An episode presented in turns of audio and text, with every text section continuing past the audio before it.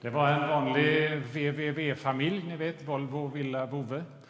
Eh, inte långt härifrån. Eh, två tonårs, de var i övre tonåren, två pojkar. Mamman hade tyvärr eh, dött i en olycka för några år sedan, så nu var det bara pappan kvar och de här två grabbarna, 21 och 19. Och den här 19-åringen han, han började få lite tankar, så, här, så han gick och grunnade lite. och tänkte, hallå, en villa i Mölndal, vad är den värd? Egentligen? Och pappas XC90, hur mycket är den värd? Och huset i Fjällbacka. Han liksom såg hur siffrorna tickade in där. Så tänkte han, hallå farsan är ju 52 liksom. Och här går jag, han kan ju leva till han är 90. Och hur gammal är jag då? Då är jag ju pensionär. Liksom. Vad ska jag med pengarna till då? Så här går ju inte. Så han tog mod till sig, den här pojken. Eh, 19-åringar kan ju vara lite kaxiga. Så att, eh, han klev in till farsan där en gång framför Sportnytt och så sa han Du pappa, jag har räknat på det här. Det här går ju inte. Det är ju nu jag behöver pengarna.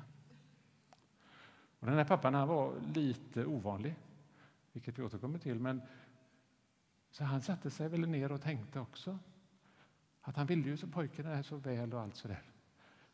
Så att han, började, att han la ut Fjällbackahuset först på Hemnet och så sålde han av bilen och, och så la han ut villan också. Och det blev inte så dåligt.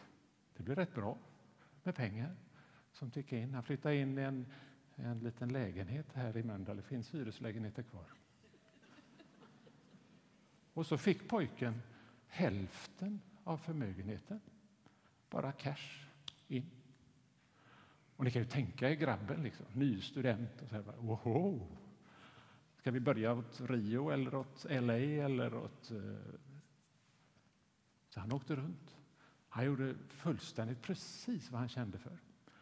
Eh, det var våldsamma fester, det var fantastiskt liv. Det var vackra människor, det var grym mat, det var fantastiskt gott att dricka. Allt var liksom bara ho, så. Tills en dag när pengarna började tryta. Och då var plötsligt de vackra människorna liksom en bit ifrån och till slut var det nästan inga kvar alls och till slut var det inga kvar. Och han hade inte ens mat för den dagen att leva. Han hade hamnat längst ner i Italien och ingen ville veta av honom.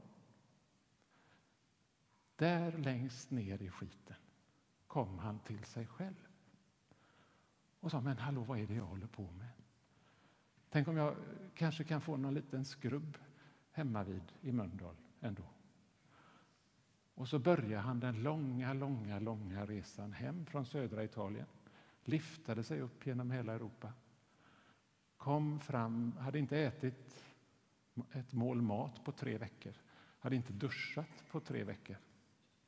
Ni kan ju tänka er hur han luktade och hur han såg ut mager och spinkig och smutsig och eländig. Och så visste han ju ungefär var den här lägenheten låg. Han hade ju dragit innan pappa hade fixat allt det där. Men han vågade sig dit, sneglade runt hörnet, undrade vad som kommer att hända. Och innan han hann fram till trappuppgången så kom pappan utrusande och bara kastade sig om pojken. Han luktade fortfarande eländigt och bara kramade honom. Så han höll på nästan att gå sönder, den lille spinkiga grabben.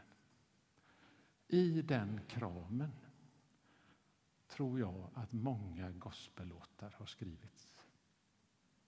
För det här är inte min historia. Ni kan googla Lukas 15. Lukas 15 sen så hör ni att det här är Jesus som har berättat den här.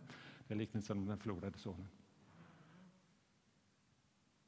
Där i kramen får vi komma du och jag. Vi kommer från tomhet, ödslighet, ensamhet, från saker vi skäms för, precis som den här grabben. Och så får vi bara säga, hallå, kom, Jesus, får jag vara hos dig? Och de flesta sångerna vi har hört här er sjunga, Oh happy day, Amazing grace, Reach out Jesus. Det handlar precis om det. Och idag får du komma till den kramen och stava på det som du vill be om. Låt oss be.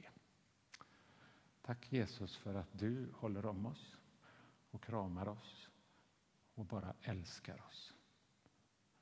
Tack för att vi får ta emot så mycket härlig glädje genom musiken, genom gospelmusiken, genom låtarna som är skrivna i den här kramen. Tack för allt vad vi har fått här av dig idag. Tack för det härliga vädret. Tack för att vi får ta emot livet från dig varje dag.